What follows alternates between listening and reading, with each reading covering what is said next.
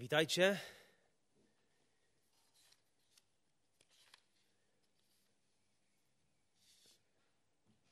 Sala jest praktycznie pusta. I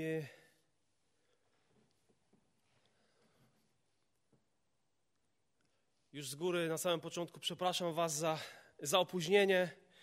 Złośliwość rzeczy martwych to coś, co powinno działać, nie działa. Jest tu pusto i powiem Wam szczerze, że tęsknię za gwarem w tym miejscu, tęsknię za, za uściskami dłoni, tęsknię za wspólnym uwielbieniem Pana Boga, tęsknię za czasem modlitw, kiedy razem przychodzimy i modlimy się. To jest, to jest wspaniałe. Czekam za czasem, kiedy podnosimy swoje serca do Boga razem jako wspólnota. Czekam na czas ogłoszeń i tęsknię za, za kartkami urodzinowymi, kiedy osoby wychodziły do przodu, mogliśmy się modlić o nich. A po nabożeństwie tęsknię do kawiarenki, tęsknię do rozmów, do tego miejsca, gdzie seniorzy w jednym, po prawej stronie naszej kawiarenki wspólnie razem się zbierają. Ja tęsknię do tego czasu. Tęsknię za, za kawą, za zapachem kawy na Zagórnej. I z pewnością każdy z nas tęskni za tym czasem. Tęsknię za, za uśmiechami. Tęsknię za pytaniem Dominika, wujek, gdzie jest Piotrek? Tęsknię za e, rozrabiakami, małymi rozrabiakami w naszym zborze. Którzy to miejsce traktowali jako swój plac zabaw. I pozwólcie, że drogie dzieci, pomodlę się o was. Chociaż nie mam was tutaj w tym miejscu, to gdziekolwiek jesteście, chcę was pobłogosławić. Abyście dobrze sobie radziły w szkole. Panie Boże, dziękujemy Tobie za, za ten czas, kiedy możemy też modlić się o nasze dzieci. I modlę się, żebyś pomógł im w, tej, w tym uczeniu się online, i szczególnie modlę się o rodziców, o to, abyś dał im mądrości, Panie, aby to wszystko mogli ogarniać, tą całą nową rzeczywistość. Panie, modlimy się, aby nasze dzieci, nasze pociechy mogły uczyć się o Tobie tam, gdzie są w domach. Wyposażaj rodziców, Panie, a te małe serca otwieraj. Panie, błogosławię ten czas i wierzę, że już niebawem spotkamy się razem znowu w tym miejscu. Panie, ale też dzięki Ci za za to przypomnienie, że Ty nie mieszkasz w świątyniach, które są zbudowane rękami ludzi. Ty mieszkasz w każdym swoim dziecku. I Panie, też ten czas zwiastowania przynosimy do Ciebie. I modlimy się, abyś do nas mówił, abyś nasze serca otwierał, bo potrzebujemy słyszeć od Ciebie, Panie. Dzięki Ci za niedzielę zmartwychwstanie. Dzięki Ci za zwycięstwo nad śmiercią. Chwała Tobie, Panie Jezu. Amen. Czwartek i piątek to, to czas, kiedy dużo myśli się o śmierci, dużo myśli się o grzechu. I problem grzechu jest taki, że on niszczy relacje, ale co jest gorszego? Grzech uderza w samego Boga. Grzech dotyka Boga, jest wyraźnym buntem przeciwko niemu, i to jest problem człowieka. I kiedy patrzysz na świat, kiedy patrzysz na, na ludzi wokół ciebie, to widzisz grzech i widzisz śmierć. Kiedy badasz historię człowieka od samego początku, to widzisz, że kiedy Adam zgrzeszył i Ewa, ten grzech zaczął bardzo szybko roznosić się na, na ludzi. Kain, napełniony zazdrością, złością, zabija swojego brata. To jest na początku dziejów ludzkości. Czytamy takie słowa w szóstym rozdziale pierwszej księgi Mojżeszowej, że kiedy Pan Bóg zobaczył na człowieka, to ujrzał, że wielka jest złość człowieka na ziemi, że wszelkie jego myśli oraz dążenia jego serca są ustawicznie złe, złe. I żałował Bóg, że uczynił człowieka i postanowił go zniszczyć. Takie decyzje podjął Bóg. Zgładzę człowieka, którego stworzyłem z powierzchni ziemi. Począwszy od człowieka aż do bydlęcia, aż do płazów ptactwa niebieskiego, dlatego że grzech opanował wszystko. Izajasz bardzo dobitnie zwiastował, wszyscy jak owce zbłądziliśmy. Każdy z nas na własną drogę zboczył. To jest stan ludzkości. Widzisz powszechność grzechu i widzisz powszechność śmierci. I Boże Słowo mówi, że śmierć jest ostatecznym, najgorszym wrogiem człowieka, życia człowieka. Paweł w liście do Rzymian mówi: Zapłatą za grzech jest śmierć. I widzimy ją wokół nas. Od samego początku widzisz, że w czasie, kiedy byli patriarchowie, kiedy później był Mojżesz, z pewnością tęskniono, szukano, wypatrywano kogoś, kto pojawi się w narodzie izraelskim i za, zacznie robić porządek. Oczekiwano Mesjasza, oczekiwano kogoś, kto będzie chodził z Bogiem, kto będzie święty, kto będzie przykładem dla innych. Patriarchowie chodzili z Bogiem, ale nie byli przykładem we wszystkich sytuacjach. Potrafili kłamać, oszukiwać. Kiedy pojawił się Mojżesz na horyzoncie, razem z Bożym prawem, był niezwykłym człowiekiem, bardzo pokornym, ale i on zgrzeszył. Nie można było brać z niego we wszystkim przykładu, chociaż był niezwykły.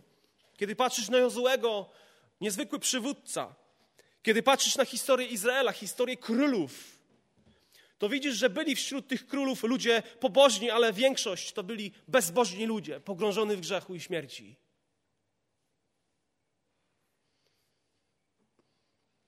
Jeżeli człowiek chciał żyć w takiej dobrej relacji z Bogiem, to prawo mojżeszowe bardzo wyraźnie mówiło, że musiał taki człowiek przy, przynosić baranka, jego krew musiała być przelana, aby grzechy człowieka były zakryte. Bez tego człowiek nie mógł iść do świątyni, do namiotu zgromadzenia i pojawić się przed Bogiem. Krew musiała zostać przelana, baranek musiał zostać zabity. List do Hebrajczyków mówi: A według prawa niemal wszystko bywa oczyszczone krwią, i bez rozlania krwi nie ma odpuszczenia dla człowieka. Bez rozlania krwi nie ma odpuszczenia. Jest powszechność grzechu i śmierci. Kiedy jestem na cmentarzu, lubię czytać to, co jest napisane na nagrobkach. I wiecie co? Odkrywam, patrzę na datę urodzenia i datę śmierci. I odkrywam, że na cmentarzu, to jest oczywiste, jest bardzo dużo star starszych osób pochowanych. Przeżyli całe życie i są pochowani, są w grobach, ale są groby ludzi w średnim wieku, są pochowani ludzie młodzi, są chowane małe dzieci, noworodki nawet. I nieraz data śmierci pokrywa się z datą urodzin. To jest nasza rzeczywistość, w której żyjemy. Pamiętam jako pięcioletni chłopak, miałem tylko pięć lat. Pamiętam, jak moja babcia umarła, przyjechaliśmy do dziadka, ona już leżała na łóżku. Ja miałem mnóstwo pytań do mojej mamy. Mamo, dlaczego babcia nie otwiera oczu? Mamo, dlaczego ona nie oddycha? Mamo, mamo, mamo. Tylko pięć lat miałem, ale doskonale pamiętam ten czas. Śmierć. Zbiera swoje żniwo. Pamiętam, jak kiedyś moja wychowawczyni przyszła zapłakana do klasy po weekendzie i nie mogła nic powiedzieć. Bo zginął jeden z naszych kolegów z klasy wypadku. Razem z tatą, który, który był wysoko postawionym policjantem, byliśmy wszyscy na pogrzebie salwy, ale tego Przemka już nie było.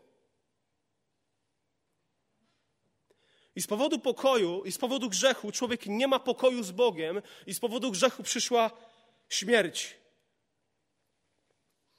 I widzimy w tym naszym świecie śmierć, która jest spowodowana podejmowaniem ryzyka, Śmierć z powodu choroby, jakiegoś nieszczęśliwego wypadku, głupoty innych. Widzimy śmierć, która jest spowodowana przez grzech i bunt człowieka. Nie ma pokoju między Bogiem i człowiekiem, jeżeli między nimi stoi grzech. I autor listu do Hebrajczyków mówi: A postanowiono jest ludziom raz umrzeć, a potem jest, potem jest sąd. I Don Carson powiedział takie słowa, jak śmierć dotknęła ludzkość. Śmierć nie jest niczym innym jak nieposkromioną pychą ludzką, której Bóg wytyczył granice, której miała nie przekraczać. Jest ona Bożą prawnie usatysfakcjonowaną odpowiedzią na nasz bunt względem Niego. Bez względu na to, czy śmierć dopadnie cię za 5, 10, 30 czy 70 lat, to ten moment i tak nadejdzie. Jesteśmy grzesznikami. Wszyscy umrzemy. A więc jest powszechność grzechu i śmierci. Ale wiecie co? Nie tylko jest powszechność grzechu, ale jest pewna bezwzględność grzechu i śmierci. I wszyscy są poddani. Za każdym razem, kiedy stykasz się ze śmiercią, to ona sprawia ból. Ona jest bezwzględna, ona jest okrutna, ona jest zaskakująca i przychodzi w chwilach, kiedy najmniej się jej spodziewamy. Ciągle jest konsekwencja grzechu wokół nas. Ciągle jest śmierć. Ten ostatni wróg człowieka. I to jest bardzo zaciekły wróg, bardzo mściwy wróg. Kiedy on przychodzi do życia człowieka, to niszczy relacje, rozbija małżeństwa,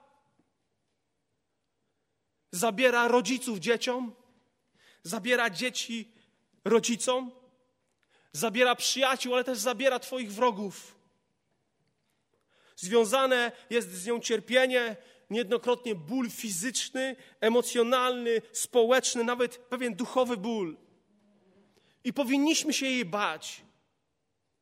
Powinniśmy się bać śmierci, bo ona jest okropna, ona jest odpychająca. I nie możemy udawać, wiecie, że jest inaczej. Bo przecież śmierć wyciska łzy z naszych oczu.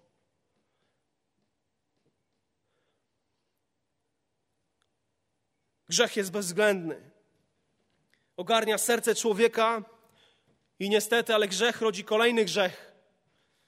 I pojawia się kolejne cierpienie i pojawia się śmierć. Apostoł Paweł w liście do Koryntian, 15 rozdziale, od 54 wersetu powiedział takie słowo, a żądłem śmierci jest grzech.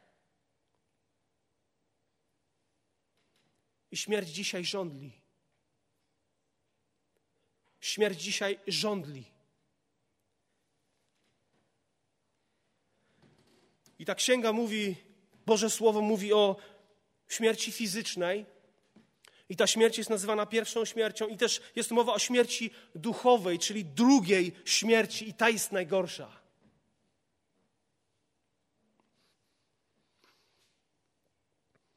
Czy ktoś sobie radził z tą śmiercią? Czytamy, że pewni mężowie Boży potrafili sobie radzić ze śmiercią. Eliasz, kiedy wskrzesili kogoś z martwych, ale to było na krótki czas. Potem taki człowiek znowu umierał, bo śmierć żądliła.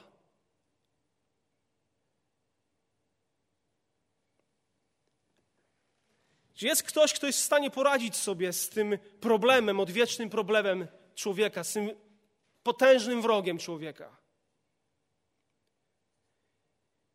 Wiemy o tym, że dwa tysiące lat temu pojawił się płacz, pewien płacz chłopca w Betlejem. I czytamy w Bożym Słowie, że od samego początku śmierć chciała go urządlić. Śmierć chciała go zniszczyć. Śmierć chciała go zabrać. Znamy historię o Herodzie, który z wielkim gniewem chciał zabić właśnie Chrystusa i zabił wszystkie dzieciaki do dwóch lat. Kiedy Pan Jezus Chrystus zaczął dorastać, zaczął, rozpoczął swoją służbę, to Jan Chrzciciel powiedział o nim: Oto jest baranek Boży, który gładzi grzech świata. I Pan Jezus zaczął swoją służbę. I to był niezwykły człowiek. Niektórzy, niektórzy mówili, to jest, to jest prorok. Niektórzy mówili, to musi być Bóg. Inni gniewali się, jak Bóg może, mógł mieszkać wśród nas, mógł wychowywać się wśród nas. My znamy Jego rodzinę. Ale okazuje się, że ten, który, który urodził się w Betlejem, który rozpoczął swoją służbę, był kimś więcej niż tylko człowiekiem. Był jednocześnie człowiekiem i również był, był Bogiem. I kiedy zaczynał swoją służbę, kiedy zaczął mówić do ludzi, ludzie się garnęli do niego, bo on był tak bardzo inny, tak bardzo kochający. Był człowiekiem, który nie szedł na kompromis, potrafił prosto z mostu powiedzieć pewne trudne sprawy, nawet tym najbardziej zadufanym w sobie faryzeuszom, którzy uważali się za, za najmądrzejszych, a wszyscy inni to jest motłoch. I w Bożym Słowie czytamy o tym, że ten, który, który mówił o sobie sam, że jest Bogiem, potrafił sobie radzić ze śmiercią.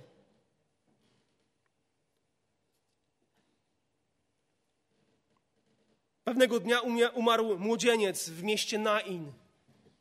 I czytamy o tym, że Pan Jezus podszedł do tych noszy, jego mama płakała, to był jedyny jej syn, a on podszedł i go wskrzesił do życia. I oto wydaje się, że ktoś się pojawił, kto sobie radzi ze śmiercią, kto jest w stanie dać nowe życie człowiekowi. Czytamy o wskrzeszeniu córki Jaira. Kolejny raz on to robi. Kim jest ten, który sobie radzi ze śmiercią, który odpycha ją od ludzi? I czytamy historię Łazarza, którego ciało się od czterech dni rozkłada. I nagle Pan Jezus Chrystus przychodzi, jest zdenerwowany z tego faktu, co uczyniła śmierć w życiu jego przyjaciela. Tak mówi Boże Słowo.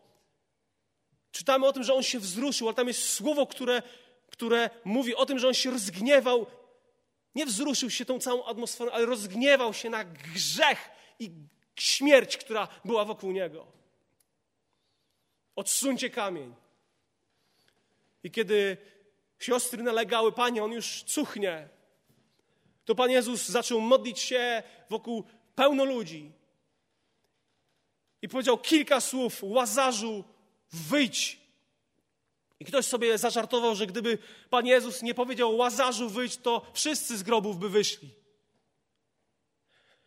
Łazarzu, wyjdź. I on wyszedł, ten martwy, przyjaciel Pana Jezusa, owinięty bandażami, wyszedł z grobu i wszyscy byli zdumieni. Oto pojawił się ktoś, kto sobie radzi ze śmiercią. To jest ten, który mówił: Jam jest zmartwychwstanie i żywot. Ale sytuacja zaczęła się komplikować. Opo opozycji wobec Jezusa było coraz więcej. Pewnego dnia na osiołku Pan Jezus wjechał jako król. Ale sprawy naprawdę zaczęły się komplikować. Nawet uczniowie za bardzo nie wiedzieli o co chodzi, bo zaczął coraz częściej Pan Jezus mówić o tym, że musi być zabity i musi umrzeć. I nikt tego wtedy nie rozumiał. Panie, jeśli Ty jesteś Mesjaszem, to Mesjasz nie umiera. Mesjasz ustanowi królestwo naszego Boga. Ale Pan Jezus bardzo konkretnie mówi, że musi umrzeć. Ten, który wydawał się radzić sobie z chorobą, nawet ze śmiercią, mówi, że on umrze.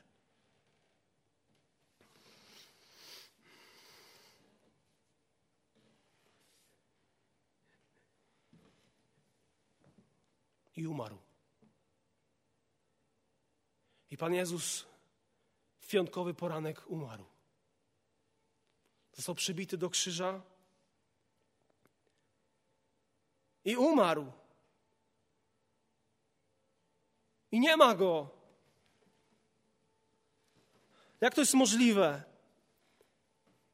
Jak to jest możliwe, że ten, który miał władzę nad śmiercią, teraz jest pobity, opuszczony, złamany,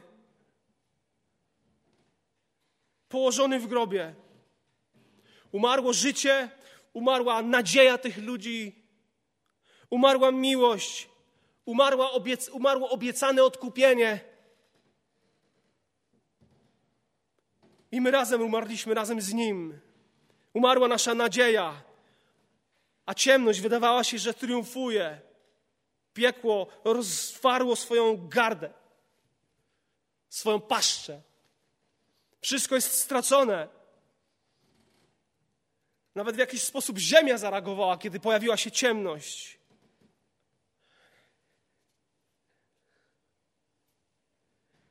Ale śmierć nie miała ostatniego zdania. Ale ten ostatni wróg, najgorszy wróg człowieka, nie ma ostatniego zdania. Job pełen nadziei tak mówił, lecz ja wiem, że odkupiciel mój żyje i że jako ostatni nad prochem stanie, że potem chociaż moja skóra jest tak poszarpana, uwolniony od swego ciała będę oglądał Boga. Tak, ja sam ujrzę Go i moje oczy zobaczą Go, nie kto inny. Moje nerki zanikają we mnie, za tym tęskniąc. Kiedy ludzie stracili nadzieję, stracili wszystko, Pan Jezus zrobił coś, co, czego się nikt nie spodziewał, chociaż mówił o tym otwarcie. W Księdze Dziejów Apostolskich możemy przeczytać, co się później działo, kiedy jego kościół powstał do życia. I wiecie co, kiedy on umierał na krzyżu, to faryzeusze, kapłani, wszyscy mówili, o Bóg mu teraz odpłacił. A kiedy jego przyjaciele widzieli Jezusa, który umarł, to stwierdzili, Bóg nic nie zrobił. Bóg niczego nie zrobił. I chwała Bogu, że w piątek Bóg nic nie zrobił. I chwała Bogu, że w sobotę nic nie zrobił. I chwała Bogu, że zrobił wszystko w niedzielę. Kiedy powołał swojego syna do życia. Księga Dziejów Apostolskich, drugi rozdział, 23-24, czytamy takie słowa. Gdy według powziętego z góry Bożego postanowienia i planu został wydany, mowa jest o Jezusie, to są słowa Piotra, który zwiastuje w Dzień Zielonych Świąt. Tego wyście rękami bezbożnych ukrzyżowali i zabili. I pojawia się to cudowne ale. Ale Bóg go wzbudził, rozwiązawszy więzy śmierci, gdyż było rzeczą niemożliwą, aby przez nią był pokonany.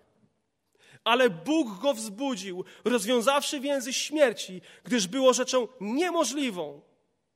Było rzeczą niemożliwą, aby przez nią był pokonany. Śmierć nie ma ostatniego zdania. Nigdy nie miała.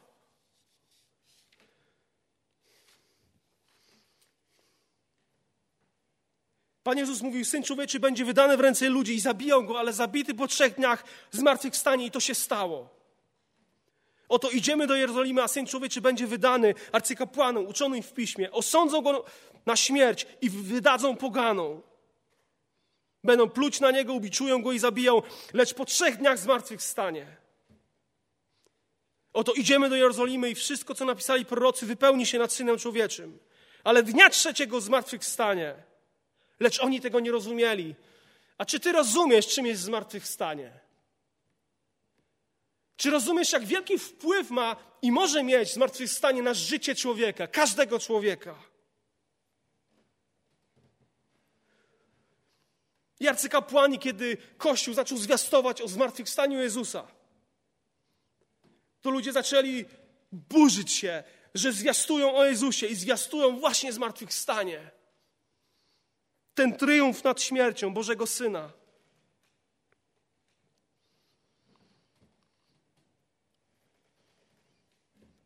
Czytamy, który według ducha uświęcenia został ustanowiony Synem Bożym w mocy przez zmartwychwstanie o Jezusie Chrystusie. To są słowa początku listu do Rzymian. I ta księga mówi o zmartwychwstanie i mówi o tym, że jeżeli w tym życiu tylko pokładasz nadzieję w Jezusie, jesteś ze wszystkich ludzi najbardziej pożałowania godzien. I Krzysiek o tym wspominał.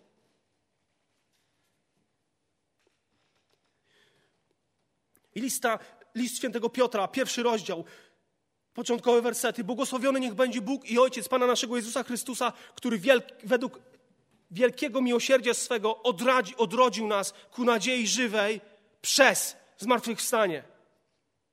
Przez zmartwychwstanie Jezusa Chrystusa. Odrodził nas ku dziedzictwu, nie znikomemu i nieskalanemu i niezwędłemu, jakie zachowane jest w niebie dla was, którzy mocą Bożą strzeżeni jesteście przez wiarę w zbawienie, przygotowane do objawienia się w czasach ostatecznych. I to zbawienie się objawiło, przyszło w osobie Jezusa.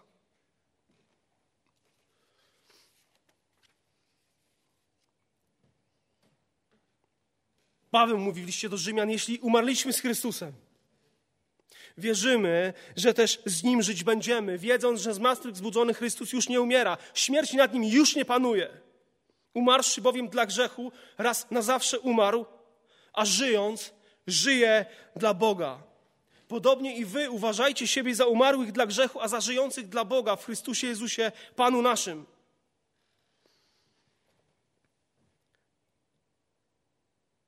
I czytamy o tym, że Pan Jezus ukazał się po zmartwychwstaniu. Ukazał się Marii Magdalenie, Jana 20. Ukazał się innym kobietom, Mateusza 28:8.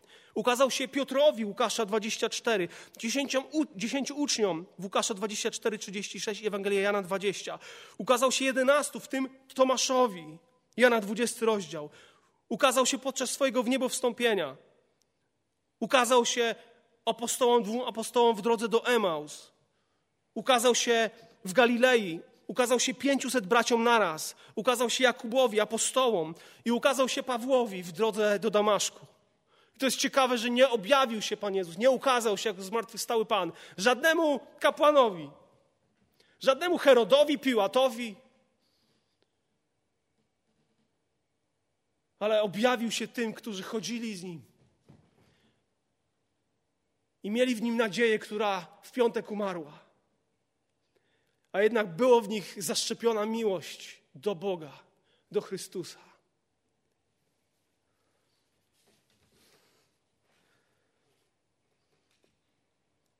Baranek, który gładzi grzechy świata, umarł, ale zmartwychwstał i żyje i zbawia. I jego krew usuwa wszelki grzech. To jest ten baranek, który, o którym tak dużo mówi Księga Objawienia.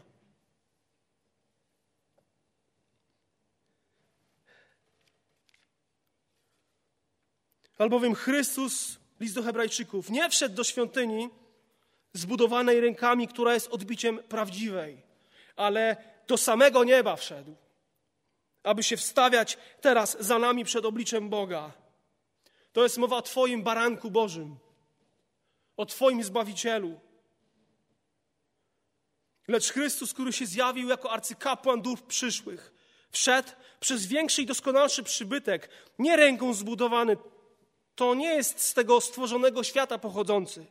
Wszedł raz na zawsze do świątyni, nie z krwią kozłów i cielców, ale z własną krwią swoją dokonawszy wiecznego odkupienia. Bo jeśli krew kozłów i wołów oraz popiół z jałowicy przez pokropienie uświęcają skalanych i przywracają cielesność, czystość, o ileż bardziej krew Chrystusa, który przez Ducha Wiecznego ofiarował samego siebie bez skazy Bogu, oczyści sumienie nasze od martwych uczynków, abyśmy mogli służyć Bogu żywemu. W ostatnim czasie czytałem dość dużo Księgi Objawienia. I tam jest mowa o baranku. Ale wiecie co, to jest zupełnie inny obraz baranka niż ten z kart Ewangelii. Tam już nie ma baranka, który jest pobity, ale powtarza się ta fraza: baranek zabity, baranek, który był zabity.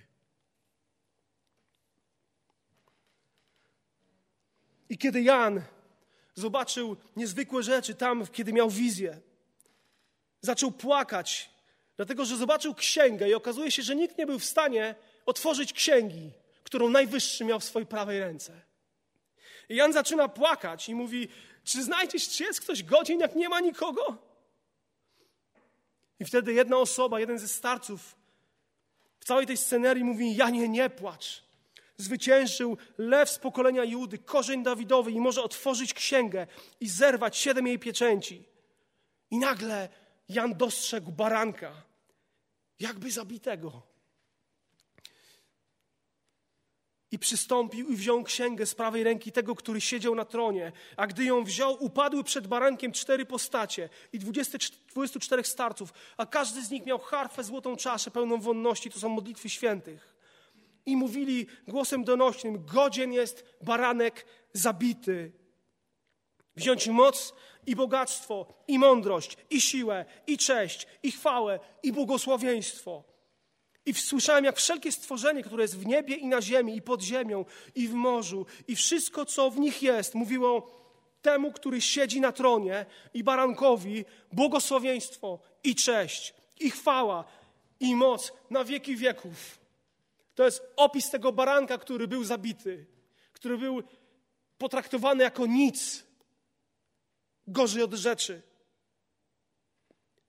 I czytamy w Księdze Objawienia o tym, jak tłumy z różnych języków, narodów, plemion stoją przed tronem i stoją przed barankiem. Są odziani w białe szaty i wołają, wołają bardzo głośno: Zbawienie jest u Boga naszego, który siedzi na tronie i u baranka. Tylko baranek jest tym, który który gładzi grzech, który zbawia. Takiego masz Zbawiciela.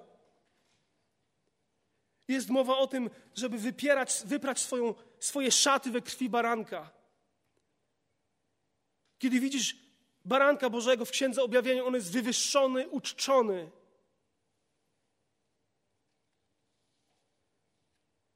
Kiedy czytasz Apokalipsę, czytasz o o weselu baranka. Czytasz o oblubienicy, która się przygotowała na to wesele. Czytasz o tym, że błogosławieni są ci, którzy są zaproszeni na weselną ucznę baranka. Jesteś? Czy jesteś zaproszony na ucztę baranka? Już nie po to, żeby obserwować spektakl, jak ginie na krzyżu? Czy jesteś osobą, która została zbawiona przez tego, który umarł na Golgocie?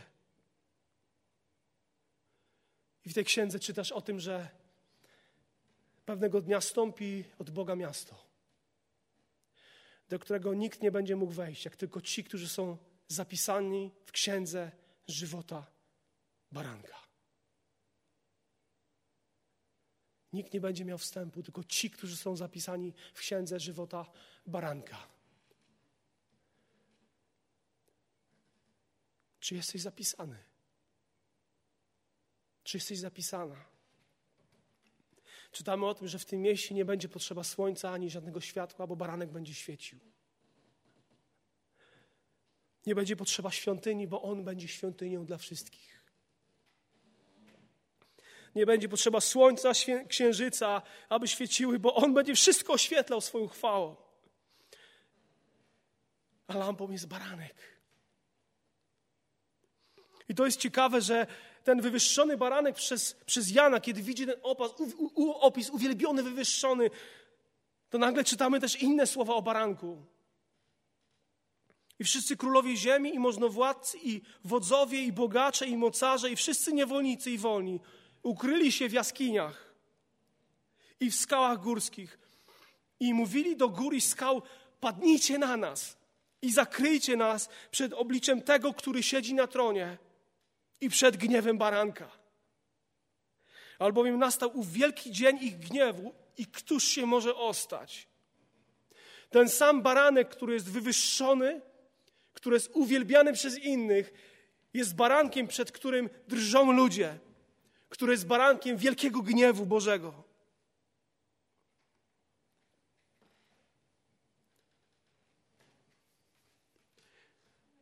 Jest mowa również o tym, że można pić samo czyste wino gniewu Bożego, z kielicha Jego gniewu i będzie, ludzie będą męczeni w ogniu i w siarce wobec świętych aniołów i wobec baranka.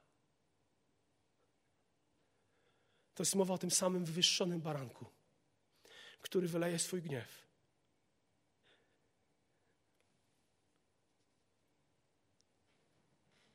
To jest ten sam baranek, który został zabity.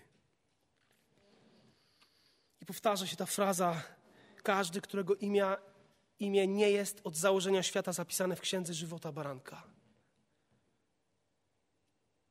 Jest mowa o tronie baranka. Jest tron baranka, księga baranka, wesele baranka, miasto baranka, jest pieśń baranka nawet. Są pierwociny dla Boga i baranka. Jest mowa o oblubinicy baranka i jest również mowa o gniewie baranka. I wiecie co? Koronawirus dzisiaj powoduje pierwszą śmierć ciała. Ale Bóg mówi, aby nie bać się tych, którzy zabijają ciało. Ale grzech powoduje drugą śmierć, tak zwaną, tak zwaną duchową śmierć.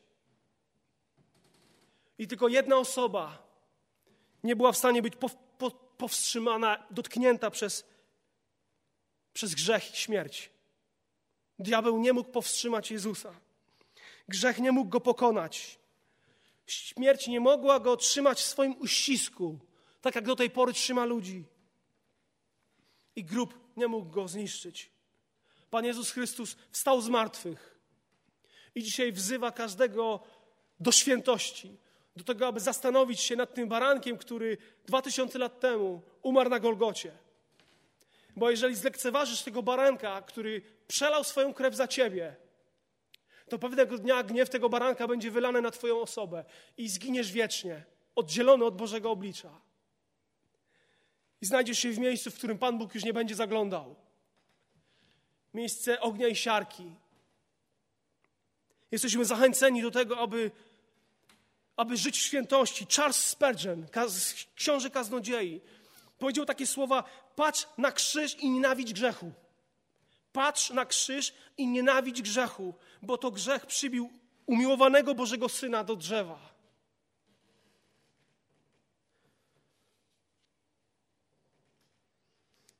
Zwiastuję Ci o niepokonanym, niezwyciężonym baranku Bożym, który gładzi wszelki grzech.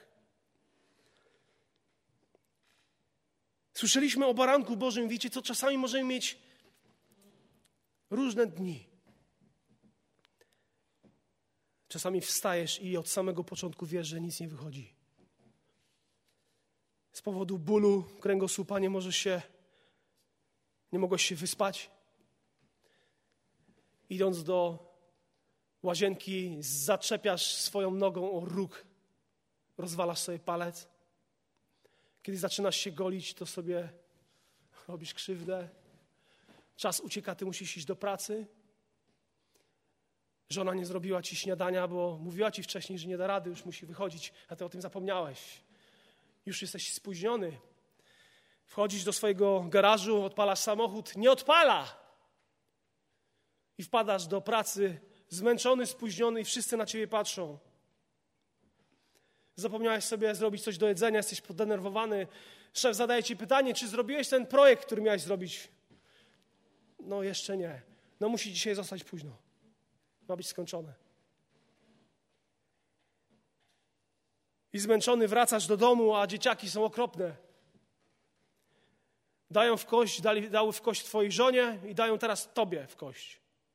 Nie jesteś w stanie ich poskromić. Jesteś sfrustrowany, zagniewany. Wiesz, że ten dzień był stracony i pod koniec tego dnia zaczynasz się modlić i wiesz, że nie spędziłeś tego czasu z Bogiem od samego początku, od samego rana. Nie przeczytałeś Bożego Słowa i zaczynasz się modlić, mówi Boże, ja nie wiem, co mam powiedzieć, mi jest po prostu wstyd. Zmarnowałem ten dzień. Nic mi nie wychodziło. Nawet nie mam ochoty się modlić do Ciebie, bo, bo mi jest głupio. Ale są też takie dni, kiedy wszystko nam wychodzi.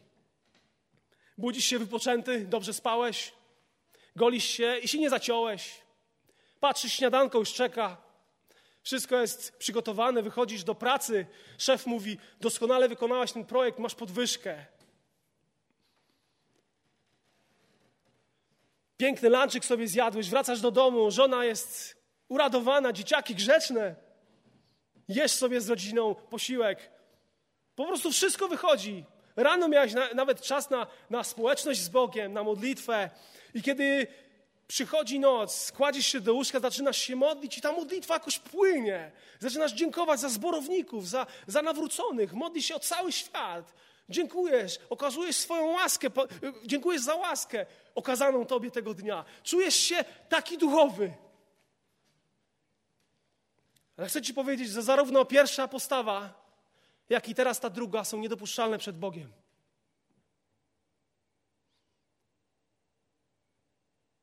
Mamy tendencję, aby przychodzić do Boga na podstawie tego, jak wyglądał nasz dzień. Bo jak było kiepsko, to jakoś tak nie przychodzimy do Boga, jest nam głupio. A chcę Ci powiedzieć, że Twoje zwycięstwo nie jest w Twoim dobrym czy złym dniu, ale to jest Twoje zwycięstwo jest tylko i wyłącznie na podstawie krwi Chrystusa. I ona nie patrzy na to, czy miałeś dobry czy zły dzień. Twoje zwycięstwo jest w krwi Jezusa. To jest jedyny sposób zwycięstwa. To jest jedyna ofiara Chrystus. Ta ofiara Chrystusa to jest jedyna podstawa Twojego przyjścia do Boga, naszej akceptacji przed Bogiem. I ta ofiara Chrystusowa staje się skuteczna w Twoim życiu przez wiarę. Następnego dnia, kiedy, kiedy Twoje życie zacznie się walić, powiedz: Boże, przychodzę do Ciebie odważnie, ze względu na krew Chrystusa. I tylko mam czelność ze względu na nią do Ciebie przyjść. I to jest wielka ofiara. I nie patrzę na swoje życie, bo przychodzę do Ciebie ze względu na Twoje zwycięstwo na Golgocie, ze względu na Twoje zmartwychwstanie. Boże, dziękuję Ci za to, że mimo tego, że mój grzech mnie pokonuje, to jest zwycięstwo i pewnego dnia będę uwolniony od śmierci mojego ciała nawet. Będę uwolniony od grzechu na wieki wieków. Chwała Tobie, Jezu, za Twoją świętą krew. Pamiętaj o tym. Pamiętaj o tym. A jeśli wzywacie jako Ojca tego, który bez względu na osobę sądzi każdego według uczynków Jego, żyjcie w bojaźni przez czas pielgrzymowania waszego. Wiedząc, że nie rzeczami znikomymi, srebrem albo złotem zostaliście wykupieni z marnego postępowania waszego przez Ojców wam przekazanego, lecz drogą, krwią Chrystusa jako baranka niewinnego i nieskalanego. Wprawdzie był on na to przeznaczony już przed założeniem świata, ale objawiony został dopiero w czasach ostatecznych ze względu na Was, którzy przez niego uwierzyliście w Boga, który go wzbudził z martwych i dał mu chwałę tak, iż wiara Wasza i nadzieja są w Bogu. W Księdze Objawiania czytamy o tym, a oni zwyciężyli go, zwyciężyli złego przez krew baranka i przez słowo świadectwa swojego i nie umiłowali życia swojego, tak by raczej je obrać niż śmierć. Jaka powinna być nasza postawa? Jeżeli grzech i śmierć to jest coś powszechnego, jeżeli grzech jest tak bezwzględny, śmierć jest tak bezwzględny, jeżeli dotknie każdego, jeżeli jest ktoś, kto, kto jest jedynym ratunkiem, jeśli chodzi o grzech i śmierć, jeżeli jest Jezus Chrystus, to jaka powinna być Twoja i moja postawa wobec tego faktu, że jest zwycięzca, że jest niepokonany, niezwyciężony baranek. Tak naprawdę nasze milczenie w tej kwestii jest miarą zwycięstwa diabła. Pamiętaj o tym, że Ewangelia rozkwita przez Twoje i moje zwiastowanie o baranku.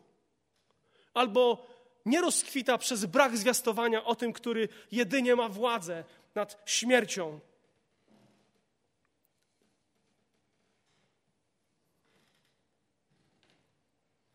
I ten zabity baranek, który pokonał śmierć, pokonał grzech, pozostanie na zawsze niezwyciężony, niepokonany.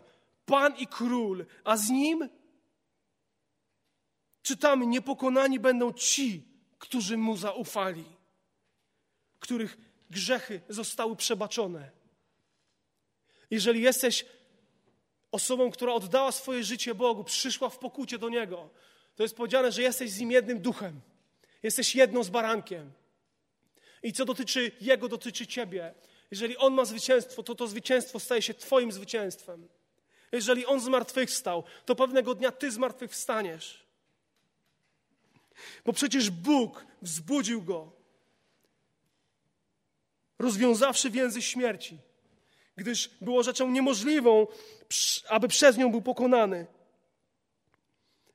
I kiedy jesteś w Chrystusie, kiedy jesteś Jego dzieckiem, to wiesz co? Nawet Twoja śmierć, jeden z psalmów mówi, psalm 16, 15, nawet Twoja śmierć jest drogocenna w oczach Bożych. To wszystko ze względu na to, że baranek został zabity, ale zmartwychwstał. To jest niezwykłe. Jesteśmy zachęceni do tego, żeby żyć zupełnie innym życiem w tej perspektywie zwycięstwa Chrystusa. Ktoś fajnie powiedział, Mark Twain, starajmy się żyć tak, aby kiedy umrzemy, nawet przedsiębiorca pogrzebowy żałował. I pamiętaj o tym, że śmierć nie gasi światła w życiu chrześcijan. Ona gasi lampę, ponieważ nastał świt. I na koniec, kiedy wielki purytanin John Owen leżał na łożu śmierci, jego sekretarka napisała w swoim imieniu przyjacielowi takie słowa: Nadal jest w krainie żywych. I wtedy John Owen troszkę się zdenerwował, mówi: Przestań. Powiedział Owen: Zmień to i powiedz tak, napisz tak. Jestem jeszcze w krainie umierających, ale mam nadzieję, że wkrótce będę w krainie żywych. Ta kraina, w której żyjemy, to jest kraina umierających. Ale zdążamy do krainy żywych. Do krainy, w której nie ma śmierci, nie ma bólu. Już niebawem przejdziemy. Ci, którzy zaufali Bogu, ci, którzy zaufali barankowi, przejdą do krainy żywych i będą na wieki z Bogiem, ale ci, którzy tego baranka dzisiaj odrzucają, będą w krainie potępienia. Będą w krainie, w której będzie druga śmierć.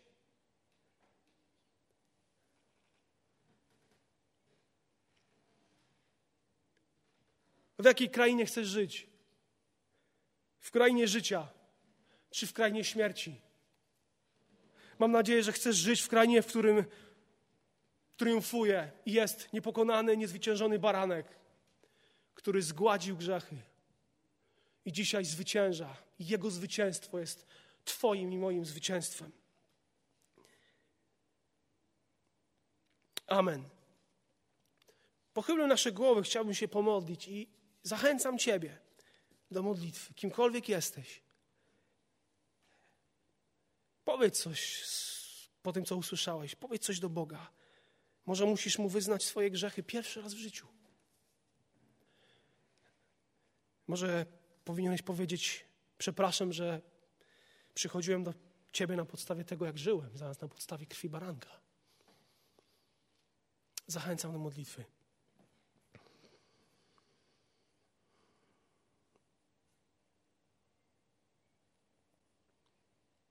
Panie, chcemy Ci dziękować za ten niezwykły skarb w osobie zabitego baranka, który umarł, ale żyje i o nim jest powiedziane, że ma klucze śmierci i piekła. Panie, dzięki Ci za radość zmartwychwstania. Panie, dzięki Ci za to, że jest życie po życiu. Panie, dzięki Ci za to, że zdążamy do krainy, gdzie wszyscy żyją, Panie, z Tobą. Panie, dzisiaj modlę się, aby to poselstwo o krzyżu było zwiastowane przez Twój Kościół odważnie. Abyśmy prześcigali się w tym, aby, aby mówić o życiu, którym jesteś Ty. Aby mówić o zmartwychwstaniu, którym jesteś Ty. Aby mówić o potężnym zwycięzcy. Ty nim jesteś, Panie Jezu. Panie, błogosławi każde serce, które, e, które otwiera Twoją Ewangelię. Wierzę, że przez swojego Ducha Świętego będziesz mówił do każdego swojego dziecka i do tych, którzy Ciebie szukają. Panie, dzięki Ci za to, że Twoja Ewangelia jest mocą Bożą ku zbawieniu i Ty zbawiasz dzisiaj ludzi. Niech Tobie będzie chwała. Dzięki Ci, że zmartwychwstałeś, że żyjesz. I my żyjemy razem z Tobą, bo jesteśmy z Tobą zjednoczeni. Jesteśmy w Tobie i Ty jesteś w nas. Chwała Tobie za to. Amen.